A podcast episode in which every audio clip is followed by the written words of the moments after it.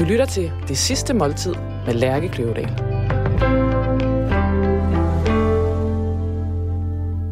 Velkommen til Det Sidste Måltid. Jeg hedder Lærke Kløvedal, og jeg er journalist og madanmelder på Politiken. Hver uge inviterer jeg en gæst til at spise deres sidste måltid sammen med mig. Gæsten har valgt en forret, en hovedret og en dessert, som udgør deres drøm om det sidste måltid. For inden har jeg skrevet gæstens nekrolog ud fra de artikler, der over årene er skrevet om gæsten. Undervejs i programmet læser jeg nekrologen op. På den måde får vi forhåbentlig i fællesskab fundet frem til gæstens eftermæle. Ugens gæst er tidligere frontfigur for Enhedslisten og nuværende generalsekretær for Red Barnet, Johanne Schmidt Nielsen. Johanne Schmidt Nielsen har valgt menuen. Til forret spiser vi øh, hvide asparges med hollandaise. Til hovedret skal vi have smørbrød, eller rugbrødsmadder, som Johanne selv sagde det. Og ikke for store. Det skal være lun leverpostej med bacon. Gerne lidt ekstra bacon på siden. En hønsesalatmad. Ikke for fed. Eventuelt med lidt æble på toppen. Og så en, og så en øh, mad med laks og avocado. Ikke med revsovs, eventuelt med balsamico. Og til dessert skal vi have jordbær med fløde og sukker. Velkommen til Johanne Schmidt Nielsens sidste måltid. Velkommen til, Johanne. Tak skal du have. Velkommen til din aller sidste menu. Ej, og nu bliver der sat en vidunderlig tallerken ja. foran os. Vi starter lige med smørdampet videre spars, en øh, hollandaisesauce og stentet ovn. Velkommen. Tak. Tusind tak. Og d- altså, øh, jeg er utrolig glad for, at jeg skal dø midt i asparges-sæsonen. Det, det, var, det er simpelthen altså, Altså- pissegod timing. Ja, og stenvedrovn. ja du har Altså- ret. Det er to øh, forårs, forårsfester, der ligger foran Ja. dig. Det er rigtigt. Der, der må man jo lige tage sig sammen, hvornår man på den måde Det er det, der er jo, nogle og, sæsoner, og, der er- og årstidsbestemme sig lidt. Præcis bedre end andre. Jeg må indrømme, at selvom det er lidt tidligt på dagen, så kan jeg godt mærke, at jeg synes, at den her asparges øh, og, og især hollandaisen godt kunne have brugt noget vin.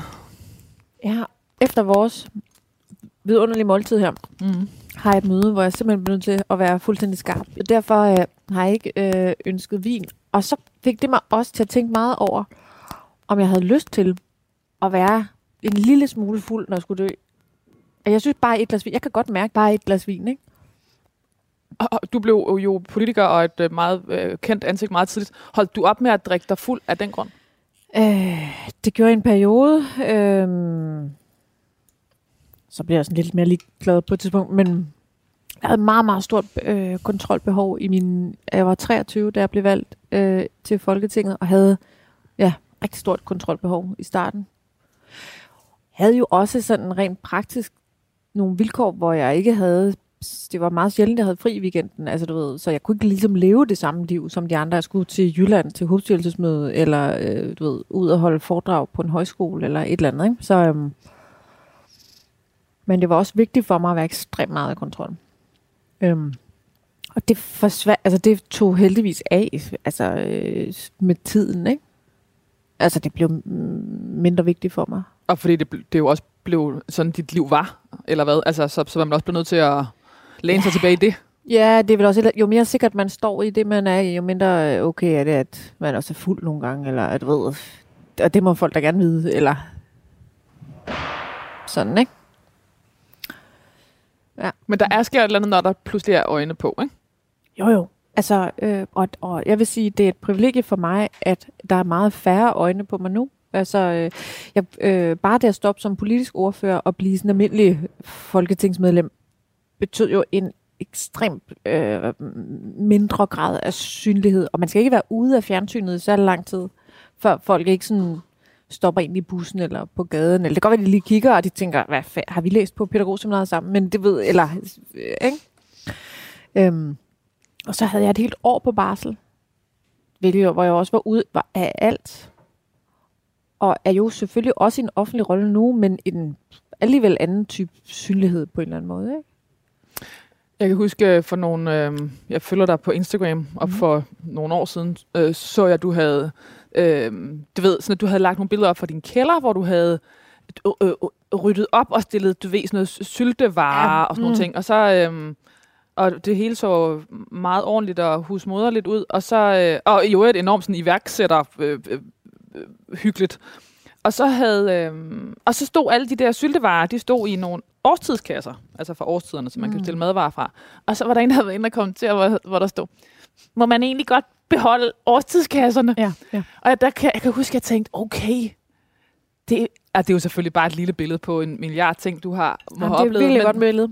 Men den der, altså, og det, og det der, det var jo fra et, altså, jeg ved godt, selvfølgelig har du en, en, en øh, professionel, privat Instagram, øh, altså forstået på den måde, du ved jo godt, at, den er, at, at dem, der sidder Mm. med, jo ikke er dem Mm. nødvendigvis er dine, øh, kun er dine veninder og den Ja, slags, det giver ja. sig selv. Men alligevel, øhm, Ja. har, hvordan, øh, Men det synes jeg er et fuldstændig spot-on billede på, hvad skal man sige, lige præcis det der med, skulle den kasse, og jeg, begyndte, jeg tænkte, at gud, skulle den have været afleveret, altså du ved, har jeg bare stjålet alle årstidernes kasser, eller hvad? Jeg tror, de endte med selv at sige, at man må godt bruge dem, eller jeg, jeg, jeg, jeg, jeg føler mig i hvert fald ikke skyldig længere, men jeg, havde, jeg var der ramt af skyld, altså, øhm, den der frygt for at gøre noget forkert, øhm, og, og ikke, hvad skal man sige, ikke at kunne komme til genmæle, det har taget mig virkelig lang tid at, at finde ro i den. Jeg, det har jeg stadig ikke fuldstændig ro i. Altså det der med at stå i en kø og tænke, hvis der er nogen, der tror, jeg springer over. Men det lider jeg nu under generelt. Altså det er ikke kun, tror, altså det er måske forstærket af offentlighed, men jeg tror, det er en sygdom, jeg generelt har. Det, jeg har også lige fået kørekort, eller for et år, to år siden. Og jeg er sindssygt bange for at køre bil, fordi jeg er bange for at komme til at altså, køre. Altså der er nogle andre, der bliver sure på mig i trafikken faktisk. Altså sådan, ej, hvad hvis jeg altså, ligesom forsinker trafikken, eller de vidste ikke, at jeg skulle, altså du ved, et eller andet, ikke? Og det rimer jo i virkeligheden ikke særlig godt på konflikt, og politik er ekstremt konfliktfyldt, og de konflikter har jeg ikke haft det svært ved, men jeg har sådan noget, øh, ja, sådan noget, øh, åh nej, gør jeg, gør, altså du ved, gør jeg noget forkert her? Kan jeg ikke, komme, kan jeg ikke forklare, at det var slet ikke med vilje, eller som de der årstider kan jeg så egentlig et meget godt eksempel på. og, altså, hvad handler det om? Eller hvor kommer det fra? Hvor stammer det fra? Ja, det kan jeg sgu ikke svare dig på, men det, det, det er meget, det fylder mig, altså det, det er, det er sådan, det skal for mig noget, der skal tøjles, øh, og som jo forstærkes af offentlighed, kan man sige, men jeg, øh, hvad skal man sige, bevidstheden om det hjælper jo på tøjlearbejdet, kan man sige, ikke? Jamen, jeg kan fuldstændig genkende det. Jeg er vokset op lidt i samme, på samme måde som dig i et bofællesskab, eller kollektiv, som, uh, som en start med så alene med min mor resten af, uh, Ja. af min opvækst. Øhm, og øhm, jeg har tænkt på, om der er noget af det der øhm, hensyn, at man ligesom skulle tage hensyn altid. Jeg er redselslagen for, at nogen bliver sure på mig i trafikken, eller på cykel. Ja. Øhm, Jeg, er faktisk, er, jeg synes faktisk, det er svært at cykle i København. Jeg bliver så ked af det, når der er nogen, der sådan siger noget surt. Og det er meget tit nogen, der siger noget surt på cykelstien i København. og jeg siger undskyld hele tiden. Ja. Ja. Og så bagefter, så kan, jeg, så kan jeg cykle og være sådan, så kan jeg have en samtale med mig selv kørende, Ja. ja. hvor jeg siger, jeg behøver overhovedet ikke sige undskyld, det var slet ikke Ja. ja. min skyld. Ja, jamen, det er lige sådan, det har det. Og du tænker, der kan være sådan noget hensyns... Øh, Altså, der, der var sådan et, man skulle hele tiden, der var hele tiden en, en, øhm, en øh, f- øh, vi var enige om, at vi alle sammen skulle få det til at lykkes. Altså, der var sådan noget, jeg vil også en eller anden form for, øh, ja, opførens ordentlig, eller behagssyge, eller jeg ved ikke selv, hvordan jeg skal oversætte det. Men som i hvert fald nok har gjort, at det i, sådan nogle, i, i nogle af de der helt, i de indre har været svært ved, at, altså, jeg har svært ved at tage noget rum, øh, men hvor jeg udadtil måske har mindre svært ved det, altså. Ja. jeg var den yngste ud af øh, sådan 20-30 børn eller sådan noget. Ikke? Eller vi, vi var sådan ligesom et lille bitte hold efter nølere, hvor vi var sådan samme alder. Øh, jeg tror, det var for den store børnegruppe, som var noget ældre, eller som sådan er en 10-15 år, eller ja, sådan et eller andet, ældre end mig. Der, øh, mm, der var det måske øh, lidt... Mm, jeg ved det ikke, altså, øh, jeg synes, der, fordi den der hen, det er jo rigtigt, jeg, jeg har en meget hele tiden bevidsthed om, hvordan har andre mennesker det i rummet. Som jeg både til, tror jeg hænger sammen med sådan noget med at vokse op alene med, du ved, en forælder. Man har jo som barn et større øh, ansvar i relationen. Øh, måske også det der bofællesskab, det, det kan da godt være. Jeg begynder at læse en nekrolog op. Yes. Så spiser jeg nogle Du skal og, og jeg skal bare sige, det. de er jo tilberedt, så de er stadig sprøde. Altså videre spars, det er, virke, det er virkelig lækkert. Det er en gudespise. Ja. Jeg har to overskrifter. De er meget forskellige. Mm. Den ene hedder, hun brugte sit liv på at kæmpe for andre. Den anden hedder Johanne-effekten. Hvorfor har du skrevet det?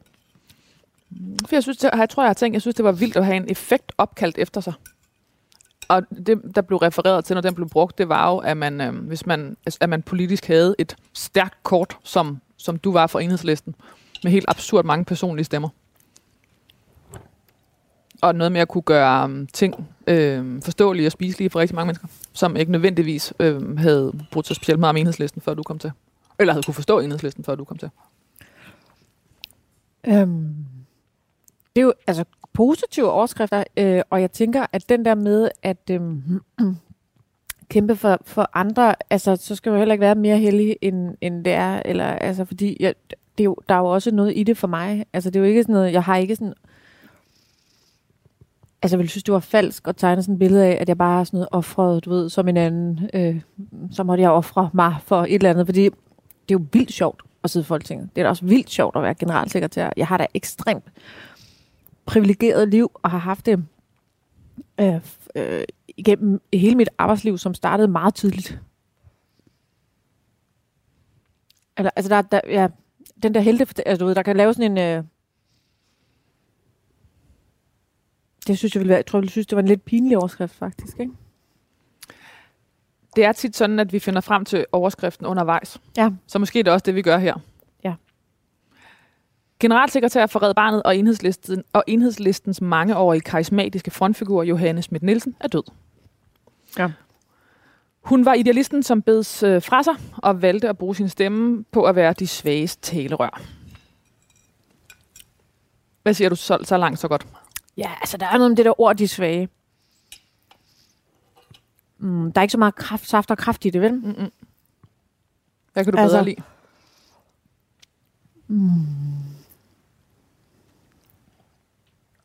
Det ved jeg ikke. Kan man være, er der mere kraft i at være sårbar? Eller det er mm. faktisk et dilemma for mig, mm. det der med, hvordan skal jeg tale om de børn, vi for eksempel i Red Barnet kæmper øh, for, og med, altså børnerettigheder. Ikke? Altså der er jo meget mere styrke i at kæmpe for børns rettigheder, og børn er jo sindssygt stærke.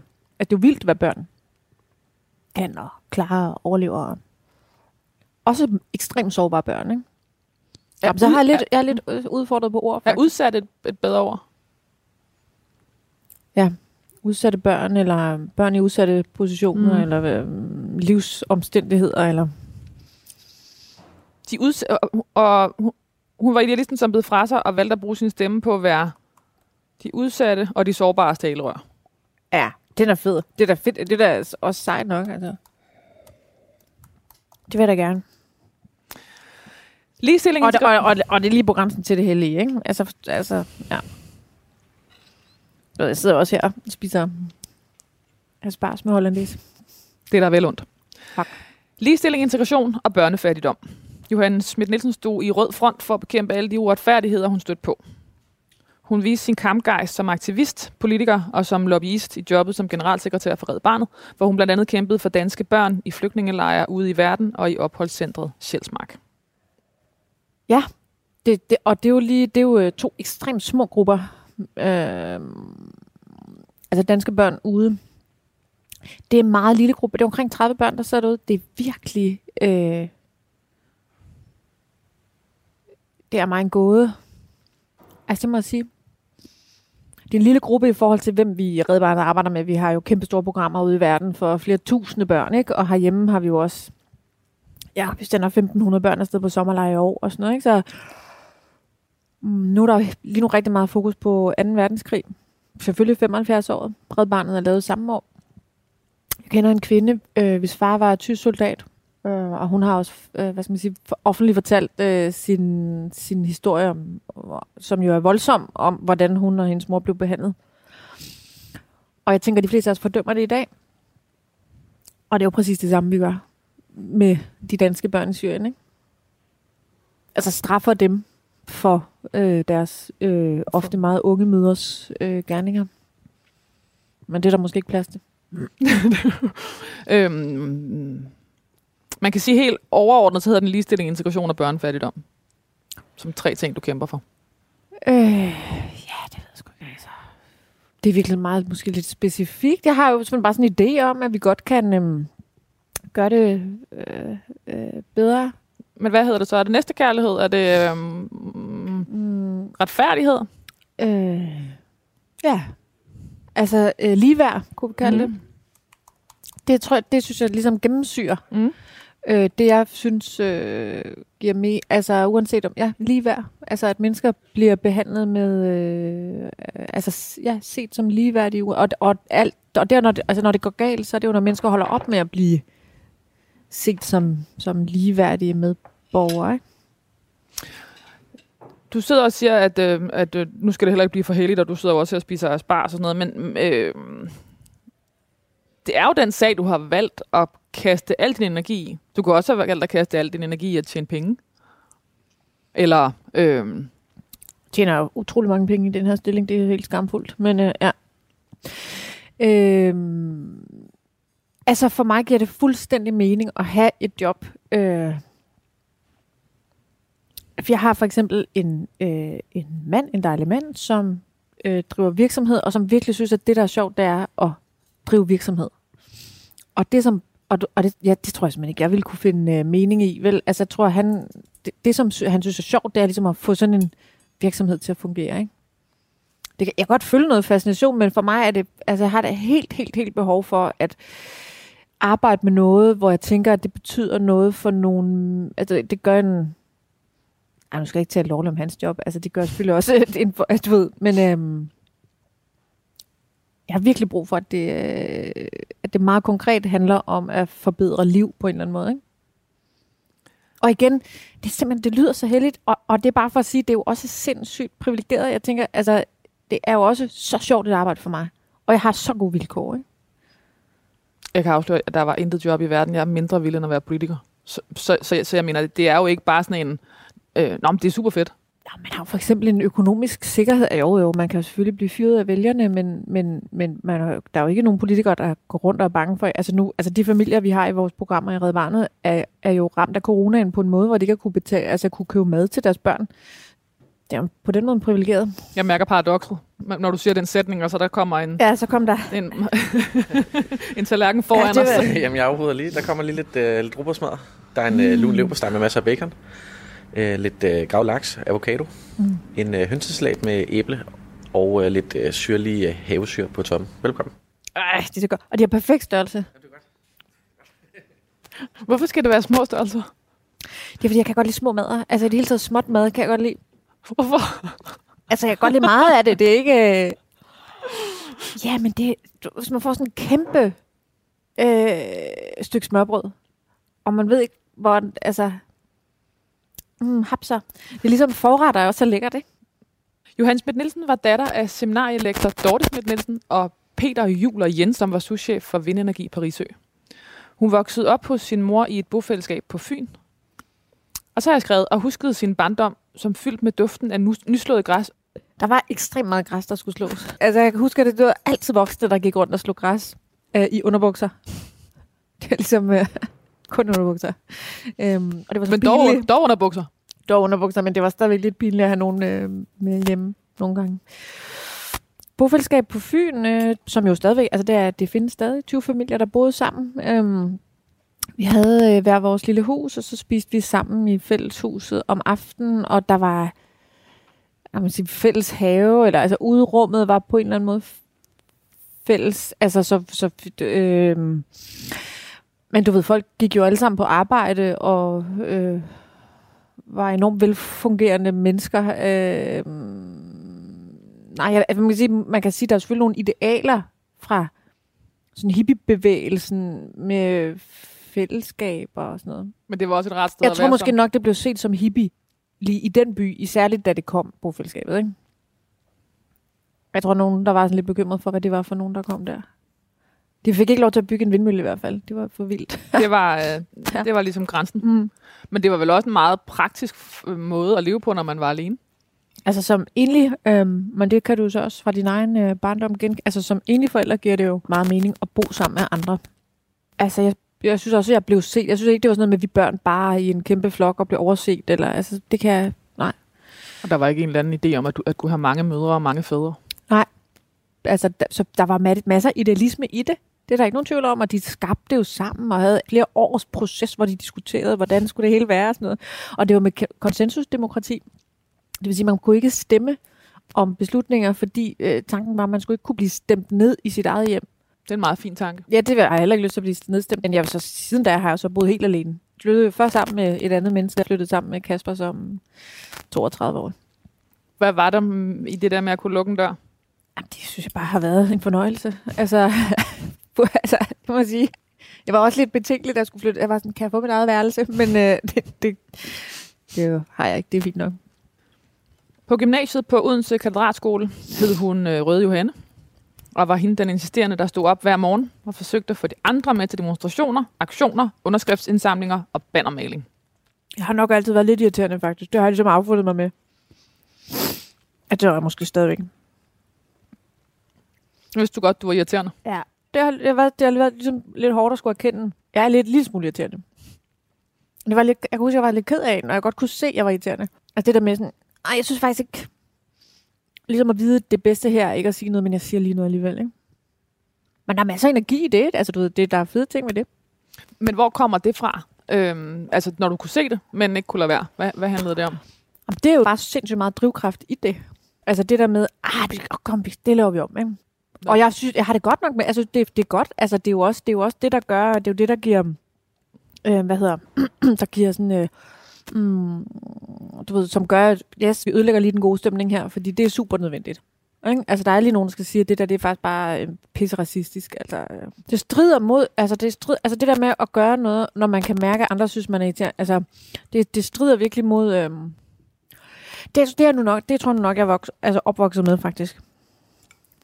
I 2007 afsluttede Johannes Schmidt Nielsen sine studier på Roskilde Universitet med en bachelorgrad i socialvidenskab og blev samme år valgt til Folketinget. Hun deltog i en partilederrunde på TV2 som den yngste partileder nogensinde. Og i den anledning forvekslede de konservatives daværende partiformand Ben Benson hende øh, før udsendelsen med en runner og bad hende om at hente kaffe. Det er han jo simpelthen, det kan han jo ikke, altså sådan, han mener jo ikke, det er sket. Og det, kan han, det, er faktisk, det har jeg jo utroligt dårligt med. Fordi det er jo utroligt synd for ham. Det er bare en stor historie, fordi den ligesom symboliserer alt muligt. Um, og det er da ikke, hvad søren, altså Ben Ben, altså du ved, det kan da godt stå. Jeg stod der og var 23 år, jeg tror, jeg havde sort hættetrøje på. Altså, kom on, det er nok. Hvordan var det at stå i sort hætte, tror jeg, at være 23 år og skulle med i den, som den yngste? Jeg var sindssygt nervøs. Altså virkelig nervøs. Og nu tænker jeg også, at det var en helt vanvittig beslutning, faktisk. Altså der var jo så mange ting, jeg ikke vidste noget om. Altså fordi det kan man ikke. Altså det, det kræver mange flere øh, år. Øh, eller, øh, og måske også at vide, altså erfaring fra Folketinget og sådan noget. Altså det er sindssygt risikabelt, men jeg havde sådan, altså dels er der jo sådan noget øh, ungdommelig øh, gå på mod og u- uvidenhed om uvidenheden. Øh, og, øhm, og dels øhm, så havde jeg helt klart en oplevelse af, at det var noget, vi gjorde. Vi havde besluttet sammen, at jeg stod der. Måske havde jeg ikke tilstrækkeligt gennemtænkt, at hvis det gik galt, så var det jo mig, det gik galt for. Men, men, men jeg følte, vi ligesom vi havde fælles besluttet. Det gik jo så frygteligt dårligt for enhedslisten. Enhedslisten havde målinger på 1,3. Ikke? Det var altså, og så åh, vi skal gøre et eller andet, nu prøver vi hende øh, derind. Ikke? Nu prøver vi noget helt nyt. Ikke? Men på grund af, at man føltes det trygt, fordi du havde fornemmelsen af et bagland, der, Ja. der bar dig. Ja, og sådan har jeg faktisk altid haft det. Altså, og, øh, og i, i, jeg har altid følt mig som en del af et hold. Og det har for mig været fuldstændig afgørende for ikke at, at knække i situationer, hvor man kunne have knækket. Fordi selvfølgelig har der været periode, altså tidspunkter igennem mine 12 år der i politik, som altså der har været nogle slagsmål med den, øh, altså Torningen Korydon øh, regering, som var jo altså kæmpe, eller som i hvert fald føltes kæmpe. De var sgu også kæmpe, ikke? Altså om skattereform og finanslov og øh, ja, helt afgørende at have, altså virkelig at føle, at vi gør det her sammen, ikke? Hvordan, øh, hvordan, håndterede, altså, hvordan håndterede du den øh, nervøsitet, eller hvordan håndterer du nervøsitet? Jeg ved ikke, om du stadig bliver nervøs. Mm. Um, spiser meget lækker laks og avocado, som jeg også er nogle meget, apropos spare rene smage, ikke? Men den måtte ikke, der, du ville gerne have haft lidt syre på, lidt balsamico. Ja. Fik du ikke? Det fik jeg ikke, nej. Nej. Men ikke gengæld. Jeg synes Nej. ikke, øh, jeg synes ikke, øhm, Er det, fordi du ikke synes, den går med laksen eller med avocadoen? altså faktisk synes jeg heller ikke med laksen. Jeg vil Den er have haft, bare ikke din ven. det er bare ikke, øh, jeg synes ikke, det er den bedste sovs. Den er lidt overvurderet, den sovs. Men det er en sød sovs. Det, er- det er en sovs, og, og et sovs jeg jo ellers. Men det kunne godt have fået lige lidt balsamico. Ja. Ja. Lige lidt et eller andet, ikke? Ja. Nå, hvordan håndterer nervøsitet? Mm. Jeg ved ikke, det plejer bare sådan at gå over af sig selv, tror jeg. Jeg var med i musikquizzen på P3, som er sådan en, hvor man skal gætte musik, og ja, det er jeg virkelig dårlig til. Og det på en eller anden måde, det gør mig alligevel også nervøs, altså hvor jeg også dårlig til quizzer. Altså, der er vildt mange ting, jeg ikke ved. Altså, hvor, og det der med, du, ja, det er bare sådan grundangst. Alle mennesker, eller ved ikke, de fleste, medmindre man er psykopat, tror man har grundangst. Bare nu opdager de, at jeg ingenting kan, ikke? Så stod jeg der med pulsmåler, og fik på et minut en puls på 170. Var det ligesom en del af gamet, at, man skulle, at du skulle have den der på? Og jeg, så husker, som jeg husker det, var det allerede efter 30 sekunder, var den 100, altså fra almindelig puls til 170 på 30 sekunder. Men, ja, men det gik rigtig godt. Så du kan, Hvilket var en stor overraskelse for mig, vil jeg så sige. du kan prespræstere. Det tror jeg, jeg kan. Ja. Hvad gør dig nervøs i dag? Mm. Ej, jeg vil sige, her mm, i coronatiden, der øhm, øh, det er jo sindssygt sjovt at have ansvar, men det er jo netop også at have ansvar, kan man sige. Ikke? Og, øh, og coronatiden har alle de store organisationer været påvirket ret voldsomt, og det har Red Barnet også. For eksempel har vi tabt en halv million om måneden på lukkede genbrugsbutikker, og har jo skulle agere på det. Øhm, øh, og, og det, hvad jeg sige, det kræver da øh, tungen lige i munden, ikke? Øh, fordi det jo både er en stor organisation med en vigtig historie, som gør en øh, forskel i en masse børns øh, liv, og også arbejdsplads for mennesker, og du ved, det betyder, når vi træffer de rigtige beslutninger, for at vi kan være der så meget som muligt for børn, der har brug for det, og men er det det, der gør, at du kan være ligge søvnløs en nat? Er det, altså, nu ligger jeg faktisk meget sjældent søvnløs. Det har aldrig været et problem for mig. Ikke, altså, eller stort set ikke. Altså, jeg sover rigtig godt om natten. Men Det forklarer meget. det er der jo nogen, der faktisk... Ja, der er jo mange, der mener, at det der med, kan man sove eller ikke sove, at det betyder meget for alt muligt. Og Jeg har altid bare... Altså næsten... Jeg, for det meste falder bare søvn, når jeg lukker øjnene. Det der med, hvordan hjernen bliver vasket om natten. Jeg har set sådan nogle undersøgelser af det. Det er helt vildt. Den, bliver ligesom, den får som sådan en kogevask. Så er den klar næste morgen. Hvis man sover. Ja, det er også derfor, det er så frygteligt for mennesker, som har søvnproblemer, ikke? Den der søvngænger tilværelse. Nå, men jeg kan da også godt blive nervøs, øh, hvis jeg sådan skal sige noget i en stor forsamling, faktisk. Altså ligesom alle andre, men det går ret hurtigt over. Men det kupper dig ikke. Det går ikke på stemmen. Det går ikke på, øhm, på sproget. Øhm, nej. Altså, det går på pulsen, eller hvad skal man sige? Altså, som, altså sådan en helt klassisk fysisk reaktion. Hjertet slår hårdere. Lidt svært at få luft, men det plejer at gå over efter ganske få sekunder. Skammer du dig mere over at nyde ting, jo tættere du kommer på fattigdom og armod? Øhm.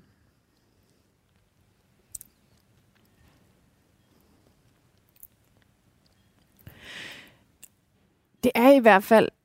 Mm, det er der skam. Det er virkelig en... Øhm, det er sådan en mærkelig følelse, ikke? Skam. Ikke så, jeg tror ikke særlig konstruktivt. Og, og omvendt er den måske regulerende på en fornuftig måde. Altså, øhm, det fylder i hvert fald for mig. Men det er jo ikke sådan, at jeg, det er jo ikke, jeg har, det er jo ikke sådan, så, at jeg så har besluttet mig for at bo i øh, en toværelses øh, øh, lejlighed øh, i almindelig boligbyggeri. Eller, altså, du ved, så Nej, jeg blev jo nærmest en, øh, ja, apropos overskrift, at, at du øh, flyttede i en villa i, øh, Mhm. mm. i Valby Præcis. med, øh, din, med din mand mm, til øh, 6 Mm. millioner. Mm. Øhm, Mm. og, og det skulle du, øh, det blev du konfronteret meget med. Ja, det var, der, var, der var en, som jo egentlig var en mærkelig historie forstået på den måde, at der jo ikke, altså, mm, hvad handlede den egentlig om? Altså, fordi der var jo ikke noget i enhedslistens politik, der gjorde, at jeg ikke måtte, hvad skal man sige, eje et hus, eller, og du ved, øh, altså, men der var på en eller anden måde en forventning om, eller der var alligevel nogen, der havde sådan noget, haha, øh, fordi der var en forventning om, at måske at jeg boede nu ser vi, hvordan hun i virkeligheden er. Ja, og man siger, hvordan er man? Og plus, man kan sige, jeg, altså udtrykket million villa blev brugt. Det er jo svært at få altså, du ved, en uh, etværelse, som ikke koster en million. Men altså, anyway, det er jo ikke for det. Det er selvfølgelig jo meget privilegeret at bo på den måde. Øh, ja, der var sådan en, sådan bør du ikke bo. Ja, en udskamning, ikke? Altså, Jo, jo, jo, men altså, jeg har den da også inde i mig selv, altså. Så på den måde kan jeg da godt forstå den. så, så øh, var det, tænkte du over, altså, var det, havde du set den komme? Det må jeg sige, det havde jeg simpelthen ikke. Jeg havde godt tænkt, øhm, ja, der kommer sikkert et eller andet nu. Du ved, der har også været dobbeltopslag om, jeg drak Coca-Cola, altså du ved, så hvad fanden. Men, men øh, seks dage, tror jeg, den kørte, du ved, i samtlige meter, fordi så, den var jo tabloid. Det var jo det, der var i den. Det var en sl- bund og grund en sladderhistorie. godt klik. Yes, det var ja. klik, og det var gossip. Ikke? Det var helt, helt alt, det var jo det, det var. Fordi når man, når, det endte jo også i sådan noget presselogen og sådan noget, og når, der, der var, når det, det gået lidt på klingen, så var der jo ikke nogen, der kunne pege på noget dobbeltmoral. Det var ikke sådan noget, hun bekæmper sort arbejde, men bruger sort arbejde, eller hun øh, øh, øh, kæmper imod homoseksuelle rettigheder, men er i virkeligheden selv lesbisk. Eller, der var ikke noget dobbeltmoral i, i det for så vidt, men der var alligevel noget spændende ved det. Ja, det var kom, jeg tror simpelthen, det var fordi, det var god gammeldags slader, at den fik lov til at leve så længe. Klarøjet og i sin faste uniform med jeans, skjorte og høje støvler fik Johannes Schmidt Nielsen ved valget i øh, 2011 47.000 personlige stemmer. Jeg skal lige sige, det er en super god hønsesalat. er der noget til den? Jeg elsker det kommentaren på det, på det, på det klarøjet øh, vanvittige valg. Det er simpelthen hønsesalaten, der trænger sig på. Jamen, det er fordi, den er, en hønsesalat kan være for fed. Hvordan den kan er også den her? være det modsatte. Hvad smager du? Jamen, den har nemlig, der er nemlig noget, der er noget friskt. Er det æble, eller hvad er det? Jeg tror, der er givet os æble på toppen. Små udstukne æbler. Mm. Og det er sjovt, fordi man kunne også tage lidt af bacon herover for den. Vi Ja, løbe dig, og også putte den herover på Ja. hønsesalaten. Og så ville det stadig være et meget lykkeligt match. Jeg har gemt lidt, sådan så der er lidt bacon til, til at snakke til sidst. Jeg tænkte, om du ikke kunne lide det. Nej, nej, nej, jeg har gemt til det sidste, det bedste til sidst. Fordi Jeg så, skal- så har du sådan bacon chips, du Jeg kan har- sidde ja, og, ja. og slutte af med, slutte af med sådan en bacon smag i munden. Ja. før jordbær med fløden. Ja. Mm, det er lækkert. Øh, vanvittigt valg. Uniform. Jeg gik i den uniform mange år. Jeg gør det næsten... Ej, der er måske kommet lidt mere farve på. Du, du har også begyndt at tage fladsko på. Ja, hold kæft, hvor lækkert at gå i fladsko. Nej, hvor er det dejligt. Jeg er jo 1,465, ikke? Ikke særlig høj. Det hjælper på mange situationer i livet lige at få lidt højde på. Især når man står mellem Vestager og Torning. Og Ask Rostrup, der i øvrigt interviewer, som er to meter. Ja, præcis. Der er, jo noget, der er jo noget manglende magt i at altid kigge op på folk, ikke? Men hvor er det dog behageligt. Da jeg kom på barsel, gik jeg selvfølgelig gik jeg bare rundt i sådan en kondisko, ikke? Ja, det har været svært for mig at komme ud af de kondisko der. Var det ikke også bare rart at have et sæt, altså ligesom mændene har deres jakkesæt, at det ligesom var... Jo. Det var derfor, jeg gjorde det. Mm. I, i, I altid i politik gik jeg jo i sort jeans og hvid skjorte. Og det var, det var jo en strategi, altså fuldstændig bevidst strategi for at afseksualisere og at fjerne al fokus fra øh, krop. At jeg synes ligesom, det var vildt nok at være ung kvinde i politik med det fokus, som det ligesom medførte. Af, af, øh, og det er, der er et andet blik på kvinder i politik end på mænd, og der er også noget med sådan noget ungdom, ikke? Og det var ligesom sådan en Øh, helt klart en strategi. Man kan sagtens angribe den strategi og sige, burde man ikke netop, du ved, man må da også alt muligt andet, men altså hvorfor ikke rød læbstift og valgkjole eller sådan noget. Men, og, det, og det er også god strategi. Eller du ved, jeg har ikke noget, der er ikke noget, der er mere rigtigt end andet, men for mig var det, så slap jeg for ligesom at forholde mig til det. Det var simpelthen nemmest. Yes. Jeg havde enorme vinkler hvide altså skjorter.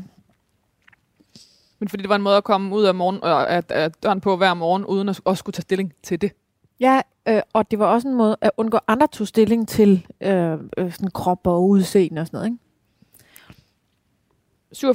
47.000 personlige stemmer. Det næsthøjeste personlige stemmetal kun overgået af Lars Løkke. Det var et godt år for Lars. Hun blev opfattet som en af Folketingets mest troværdige øh, partiledere. Hun havde øh, medietække og medieforståelse, og Johanne-effekten blev et begreb. Det var meget, øh, ja, meget flotte ord. Regeringen pisser på de vælgere, som har Jeg stemt følte, på dem. jeg følte det som et hold. Jeg vil bare sige, jeg følte, at det der, mig og Pelle Dragsted arbejdede, og nogle andre også, Maria Gjerding, Stine Brix, nogle andre, Emil Nielsen, nogle andre, arbejdede meget tæt sammen. Så du ved, der stod Johanne-effekten. Jeg synes faktisk godt, der kunne stå Johanne, Stine, Pelle, Maria og jeg, ej, du ved, ikke? Ikke for at sætte, hvad hedder sådan noget, lys under. Altså selvfølgelig, jeg, jeg spiller jo også en rolle i det her, men jeg synes, øh, mm, jeg synes, vi jo er sammen om det. Men det, det er dig, der får stemmerne. Det er dig, der får øh, øh, forsiderne. Det er dig, der øh, bliver genkendt på gaden, selvom det er et, hold, et holdarbejde. Hvordan øh, har... har øh, jo, men det er bare, jamen det er heller ikke for at underkende, altså, der er bare, i politik ser man bare kun de der mennesker, der står der, men der er bare så meget rundt om. Det lyder så banalt, og alt det der, det er en holdsport og sådan noget, men det er virkelig, Ja. regeringen pisser på de vælgere, som har stemt på dem, sagde en, Johan, en ophidset Johannes Schmidt Nielsen i 2012. Hun var en af de få politikere, der slap godt fra at eksplodere for rullende kameraer. Hvor vredesudbrud ofte bliver udlagt som en karakterbrist hos en politiker, fremstod Johannes Schmidt Nielsen derimod som den rendyrkede idealist, skrev politikken. det er der jo meget forskellige holdninger til. Jeg synes også, jeg slap godt fra det, men jeg synes da også, at det er blevet brugt, øhm, hvad skal man sige, latterliggørende. Som jeg jo tror, det i højere grad bliver øh, gjort i forhold til, altså for kvinder end for mænd. Altså vrede er jo et karaktertræk, som vel sådan generelt i højere grad hos mænd ses som handlekraftigt, og som kvinder, eller hos kvinder som hysterisk. Ikke? Og jeg synes, at jeg kom jeg var jo enormt vred, og er det fandme da nærmest stadigvæk, når jeg tænker på den skatteaftale. Jeg synes, det var en vanvittig Det skatteaftale. var den, du også Øh, nævnte før i 2012, hvor I Ja. følte jer kuppet. Der er et eller andet med min for... Der er jo selvfølgelig, ved, har vi ikke alle, eller jeg har da sådan en livslang kamp med forfængelighed, og der er noget, det er ligesom, der er noget med det der med at stå og være så vred på fjernsyn. Det er ligesom, er voldsomt på en eller anden måde, men du ved, jeg var så vred. Med rette, synes jeg. Altså, I det klip, som jo er et, altså et helt vildt vis klip, og må den dag, du dør, så bliver det også ja. et af dem, der kommer ja. Til at, øhm, at, at blive vist på, altså Mm. i, i, en, i en fortælling om dig. mm. Øhm, og jeg genså det lige her før udsendelsen. Og du står jo simpelthen... Øhm, det der med din højde bliver ret tydeligt i det klip, for du står ligesom og kigger op på alle journalisterne, som i øvrigt er mænd omkring dig. Mm. Og så har du øh, Frank Aaen, der står bag ved dig, som Mm. en... Øh, som sådan en helt tydelig øh, støtte. Ser det Mm. ud som om Ja. i, på billederne. Ja. Og det er også ham, der ligesom får sagt, nu, nu, træ, nu, nu, Ja, nu, øh, nu går vi videre. Ja, nu, nu skal jeg videre. Ja, ja. Øhm, midt i vredesudbrud kommer der. Ja. Jamen, jeg undskyld, jeg afbryder. Forhåbentlig uh, forsøger det lidt det hele det her. Der er jordbær med fløde og uh, sukker, og der er ekstra sukker i skålen der. Mm. Er der og også det er ekstra rigtig fløde? fløde. Der er også ekstra fløde. Og det er rigtig fløde. Det er rigtig fløde, ja. Jeg er glad for, at du har bestilt sukker til. Der er, øh, Jeg bliver så sur ellers, ikke? Du ved, der skal helst... Jamen, der er også, der er også noget med knaset. Ja, det er rigtigt. Den, øh, lige meget, hvor sød din næsten er, skal den, øh, skal Ja. den have strøsukker. Oh, og så blandet med fløden. Der, er den, den der sidste, mm, det er næsten den bedste, når man Ja. har... Øh, Og man kan lige drikke det. Skål. hvornår, hvor tidligt vidste du, at det der at have ordet i din magt og være så retorisk stærk, at det, at det simpelthen var, var noget, der øh, ja, kunne skabe dig en karriere? Øhm, det er et godt spørgsmål. Igen har jeg der sådan noget med skam og skyld, og jeg synes, ordet karriere er sådan skamfyldt. Øhm, men øhm, det er så... Lad det være. Øh, Hvorfor synes du det? Hvad ligger der i karriere? Mm. Mm, det er fordi, det er så øh, individ. Øh, eller sådan, så det handler det, du ved. Så er, det, så er det meget mig, det handler om. Men det er det selvfølgelig også mig, det handler om. Øh, hvornår øh, vidste jeg, at jeg... Øh, altså ret tidligt har jeg jo stillet mig op og talt for forsamlinger. Altså på min sådan noget, du ved, sådan noget gymnasietid og sådan noget. Altså, du ved, så jeg stod altid der til morgensamling, ikke? Men jeg tænkte ikke som et, noget, jeg skulle have som arbejde. Altså, jeg tænkte det som noget, der skulle... Jeg tænkte jo, at politik, det var ikke så meget det med at tale, det var mere det der med at brænde for en sag. For mig, de to ting er jo fuldstændig forbundet. Altså, øh, det hænger jo uløseligt sammen, eller det, øh, du ved, jeg kan tale om noget på en måde, heldigvis, og øh, lykkes det ofte at få folk til at høre efter.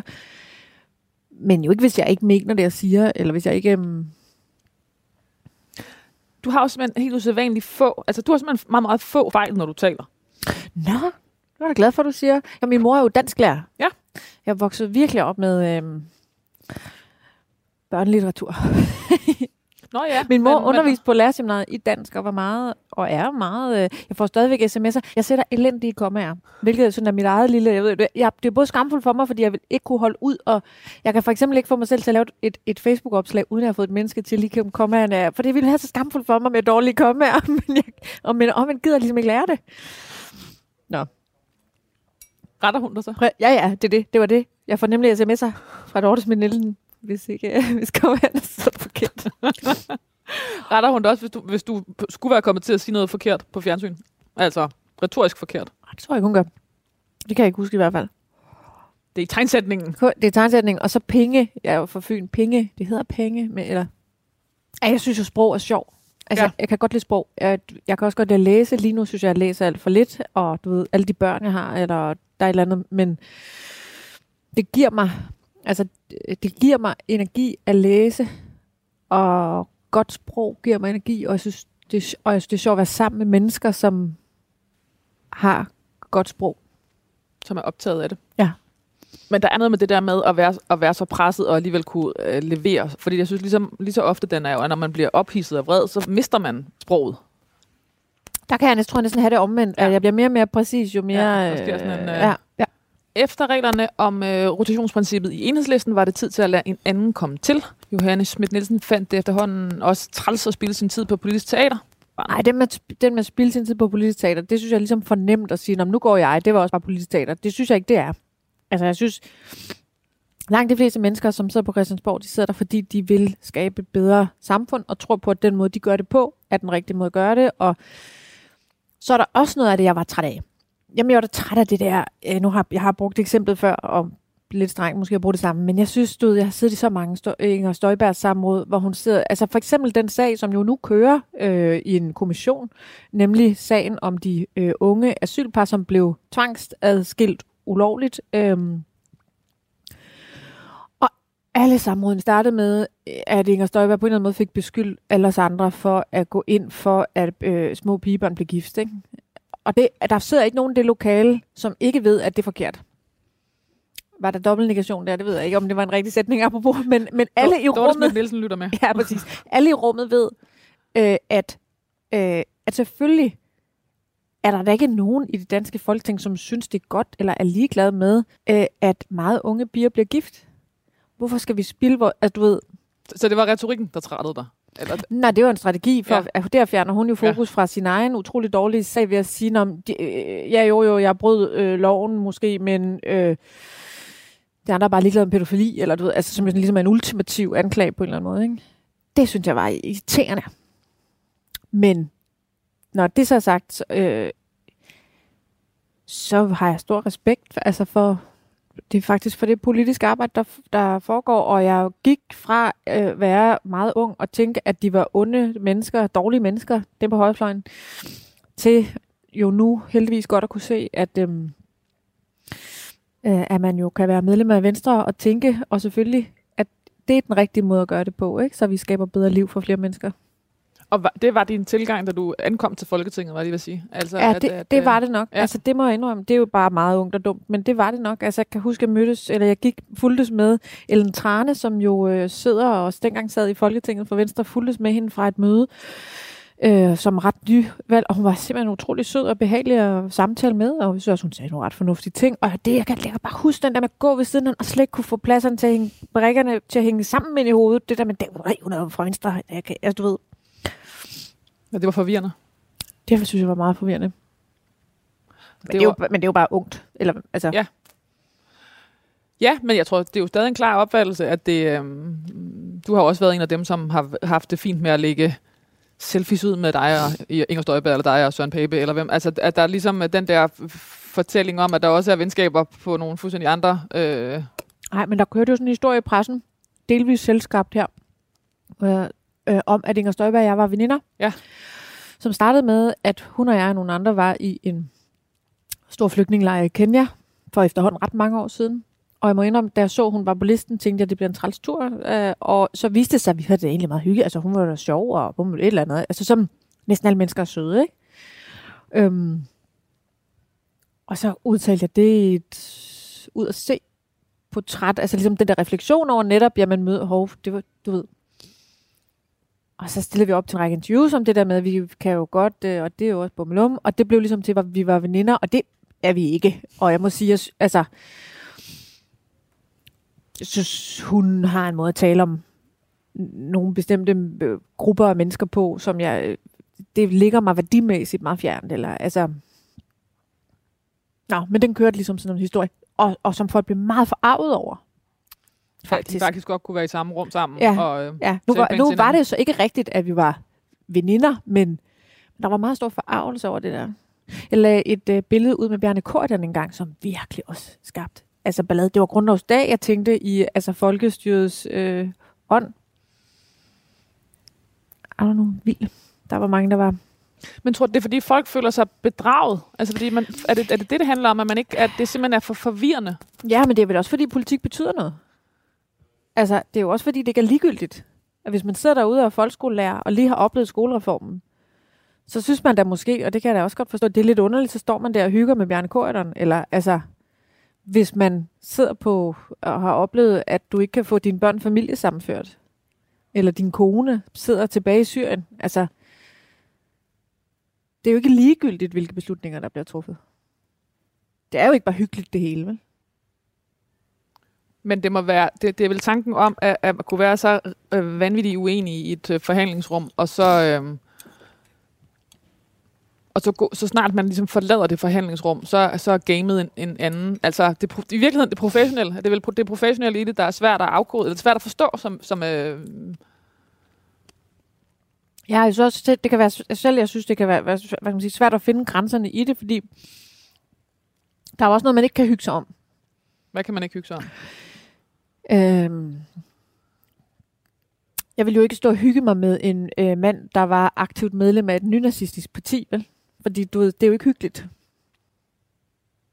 Eller du ved, der er på en eller anden måde også grænser for hyggen, ikke? Fordi at, at der synes du, det har det for dig været vigtigt at stå, stå øh, og ligesom tage en, øh, lave en afstandstagen med din person. Jamen, det er fordi, der ligger en eller anden, hvis man sådan har det... Altså, nu har jeg ikke mødt et menneske, som var meget aktiv i et nynazistisk... Du ved, men du ved, der ligger vel også sådan en øh, legitimering i øh, hyggificering på en eller anden måde, ikke? Jeg synes, det er sindssygt svært, det der. Altså, fordi på den ene side, så skal, man, så skal vi behandle alle ordentligt ja. og lige, og på den anden side, så øh, er der jo også øh, nogle mennesker, man lige præcis ikke har lyst til at legitimere Ja. øh, på nogen måde, altså ved at være jovial. Det, er- det er lige præcis det. Og man kan jo godt være at tale ordentligt til folk og være, hvad skal man sige, på den måde helt almindelig respektfuld, uden at være jovial, ikke? Jeg ved ikke lige, hvor grænserne går i det. Johan Schmidt efterlader sig sin datter, sin kæreste Kasper Hyllekvist og hans to børn. Æret være hendes minde. Og jeg håber forhåbentlig når jeg at få lidt flere. Er, er, det, er det planen i dit nye job, hvor du simpelthen øh, har så sindssygt god tid til at, at, at, at, at have børn? Bare, bare en enkelt. Jeg kunne ikke lige få en til. Er det øh, planen? En til. Så er I fire. Så er der fire ja, børn. fire. Det må være nok, ikke? Hvad, øh, Sådan er det, når man gifter sig til flere. Så, øh, du ved, jeg fik jo lige tre børn på en gang. fra at have boet, Det er dejligt. men som er noget andet end at bo øh, alene i en toværelses? Og det er det. Og så sige, det er... Jeg har jo selv ikke haft søskende, eller på en måde havde jeg rigtig mange søskende, fordi vi var så mange børn, der boede sammen, men det var jo kun... Var, var I det samme? Var det også dig, din mor? Jeg er ni halve, ja. Ja. Eller sted, og Ja. ja. stedsøskende, og, men, ikke, men ikke nogen hele. Og jeg har virkelig altid haft et brændende ønske om at få børn, der havde søskende. Fordi det er jo også det er en stor ting, ikke at være, altså du ved, det er også et stort ansvar at være, hvad skal man sige, alene med en forælder, selvom det er sådan lidt omvendt land, ikke? Øhm, men pointen af det her var, jeg er så glad for, at min datter allerede har to søskende, ikke? Hvad, øh, hvad vil du være ked af, der stod i dit eftermæl? Hvad vil du være træt af, at folk huskede dig for? Jeg tror, at mit eftermæl, det er forkert at sige, at det ikke betyder noget. Selvfølgelig gør det det, og selvfølgelig er jeg forfængelig, ligesom alle andre mennesker er. Og, og noget af det sjoveste er jo, når man kan i øvrigt lade være med at være forfængelig. Altså jo mindre forfængelighed, der præger livet, jo sjovere bliver øh, livet på alle mulige punkter. Men eftermælet, bet- altså det betyder mere og mere for mig, hvad det nære. Og det betyder jo mere for mig, hvad min datter øh, har af eftermæle i sin krop eller i sit hoved, end øh, om der kommer en, øh, øh, hvad hedder sådan noget, i politikken, ikke? Altså, jeg har fået meget, selvfølgelig det, ja, sådan er det jo bare for børn og sådan noget, men jeg har bare fået et meget mere indadrettet, eller øh, øh, hvad hedder sådan noget. Det er den lille, den lille gruppe betyder meget mere for mig nu, end i 20'erne, ikke? Den, den der forfængelighed, den går ligesom igen. Øhm, det overrasker mig. Jeg tænker dig som ekstremt lidt forfængelig. Øh, ja, det tror, jeg tror heller ikke, jeg er særlig forfængelig. Jeg har bare, bare meget bevidst om, øh, at det er sjovest ikke at være det. Fordi livet bliver friere. Altså helt øh, sådan basalt, altså sådan noget med at være 18 år og meget bekymret for, øh, hvordan ser nu ud, eller hvad tænker de andre i rummet, så er det jo bare sindssygt meget sjovere at være 36 og, s- Nå, sådan her ser jeg ud. Altså du ved. Og stå på lidt fladere fødder. Ja. Hvad skal der stå på din gravsten? Det ved jeg ikke, men jeg vil godt have to små fugle. Og det skal ikke være duer. det vil være så klamt at have duer på sin øh, gravsten. Men øh, jeg, jeg, havde, jeg gik ture med min bedstemor på kirkegård. Faktisk også med min mor, når vi er sådan, hvis det virkelig ikke, hvad skulle vi lave? Det kan også være lidt kedeligt at være, du ved, kun øh, et barn og en voksen der. Så var vi inde og gå ture på den jødiske kirkegård i Odense. Så det vil sige, jeg har mange gode ligesom, mm, stunder forbundet. Det lyder lidt maka- det, er- for mig er det slet ikke makabert. Altså, for mig, er- det var ligesom, jeg kan godt lide kirkegård. Og at noget af det bedste, øh, jeg som barn vidste, var så, at, når der var bitte små fugle, man lige kunne age. Og hvad er det? Er det, er det messing? Nej, hvad, Ja. yeah. hvad er de lavet af? I hvert fald kunne de være sådan helt... Øhm, Kunne de blive irrede? Altså, var det, blev de grønne? Så skulle kan man lave de små fugle fordi de virker nærmest sådan helt støbt, ikke? Jo, men nogle af dem var ligesom blevet nusset så meget, at de havde sådan en lille, lille, ved, lille nusse øh, afmærkning, eller hvad man siger. Og sådan en vil du også have. jeg vil godt have to, du ved, ja, det er ikke sådan, SD, altså der er, det, det er jo ikke, det er nok ikke god gravstens smag. Fordi det godt- findes jo. Det, det gør det da, det gør det da i allerhøjeste grad. Men jeg vil godt have to små fugle, ikke duer. Med ligesom ansigterne rettet lidt mod hinanden. Og så håbe på, at de bliver nusset lidt af nogen. Nogen, der går forbi. Ja. Og hvad skal der stå? Der skal bare stå mit navn. Der skal, du har ikke ligesom et, øh, øh, en sætning. Nej, det har jeg så ikke. Der er mit navn. Skal der stå? En natursten vil jeg gerne have. Har du simpelthen ikke en, en agenda, du vil, du, eller en, hvad skal jeg sige, en, et, øh, et, ga- et gajolaftryk? Nej, det må jeg sige, det har jeg ikke for, også fordi tænkte, man bliver træt af det. Altså, øh, det, så står det der til evig tid. Ja. Nej, det har, jeg har ikke noget, der skal stå der. Men jeg vil godt have nogle flotte, måske, altså, syrener, eller øh, apropos årstider, altså, som, ja, godt være lidt flot grønt. Jeg kan ikke rigtig finde ud af, fordi der er faktisk en hel del gravsten, hvor der er, eller gravsteder, hvor der er øhm, sådan noget jordbærplanter. Ej, er der det? Har ja. jeg Ja. aldrig lagt mærke til, men det er også et godt bunddække. Det er et godt bunddække, og det ved du, der er have. Ja. Men jeg kan ikke finde ud af, om det er lidt makabert at gå og spise de jordbær. Altså, det er jo sådan set, når jeg er min Nå. far eller sådan noget, der ligger nedenunder. Øh, ikke hvis, øh, hvis man er brændt. Ja. Ej, ja, det vil jeg gerne have. Øh, bund, et godt bunddække af, af skovjordbær på graven. Som dine børnebørn kan gå og, og hapse lidt af, når, Ja. når du er i årstid. Ja, både, både røde og, og gule. Altså, de er lidt mere svenske. Ja, de er også Ja, ja, gode, ja. ja. synes jeg. Johannes Schmidt Nielsen, hvad, hvad mangler vi? Mm. Det ved jeg ikke, fordi jeg synes jo ikke, mit liv overhovedet er færdigt. Altså, du ved, jeg, jeg er jo lige begyndt, eller... Og tænk, så kan det bare lige dreje. Altså, så sad jeg den i Folketinget, nu laver jeg noget helt andet. Eller, det er jo selvfølgelig ikke noget helt andet, men det er alligevel lidt noget andet. Så der mangler der forhåbentlig virkelig meget. Der, der mangler præcis lige så mange år og lige så meget karriere. Tænk, at du skammer dig over karriere. Så vil jeg sige, så ligger din skamtærskel altså rimelig Ja, det, lavt. gør, ja, jamen, det gør den også. Det, er, det, det, øhm, det gør den også. Det er, jo, det er jo helt banalt. Det er jo fordi karriere er øh, det individuelle, eller at karriere er det, der handler om øh, kun mig, eller du ved, kun den, det handler om. Ikke? Men skal du så ligesom... Altså, det er fordi, jeg kan slet ikke få det til at hænge sammen, at du kan skamme dig over at sige karriere, og alligevel siger du, at du har en god nattesøvn. Altså, jeg tænker bare, så er der meget at bekymre sig om, hvis, hvis, hvis, der, der, hvis der er skam forbundet med sådan et ord. Ah, men ja, men altså, jeg er ret... Øh, lethovedet, eller hvad, sådan noget. Altså, jeg er ikke... Ma- fordi, hvad hedder, det, hvad hedder det på engelsk? Det var et forsøg på oversættelse. altså, jeg er ikke... ikke um, jeg bekymrer mig generelt meget lidt. Du bekymrer dig lidt, men skammer dig en del. Ja, det er rigtigt. Ej, jeg skammer mig. Jeg øver mig også. Altså, det er bare... Jeg, ja, ja, det går hurtigt over, tror jeg. Jeg går ikke sådan generelt rundt og bekymrer mig meget. Johannes Schmidt Nielsen, tak fordi du ville være gæst i det sidste måltid. Det var en fornøjelse.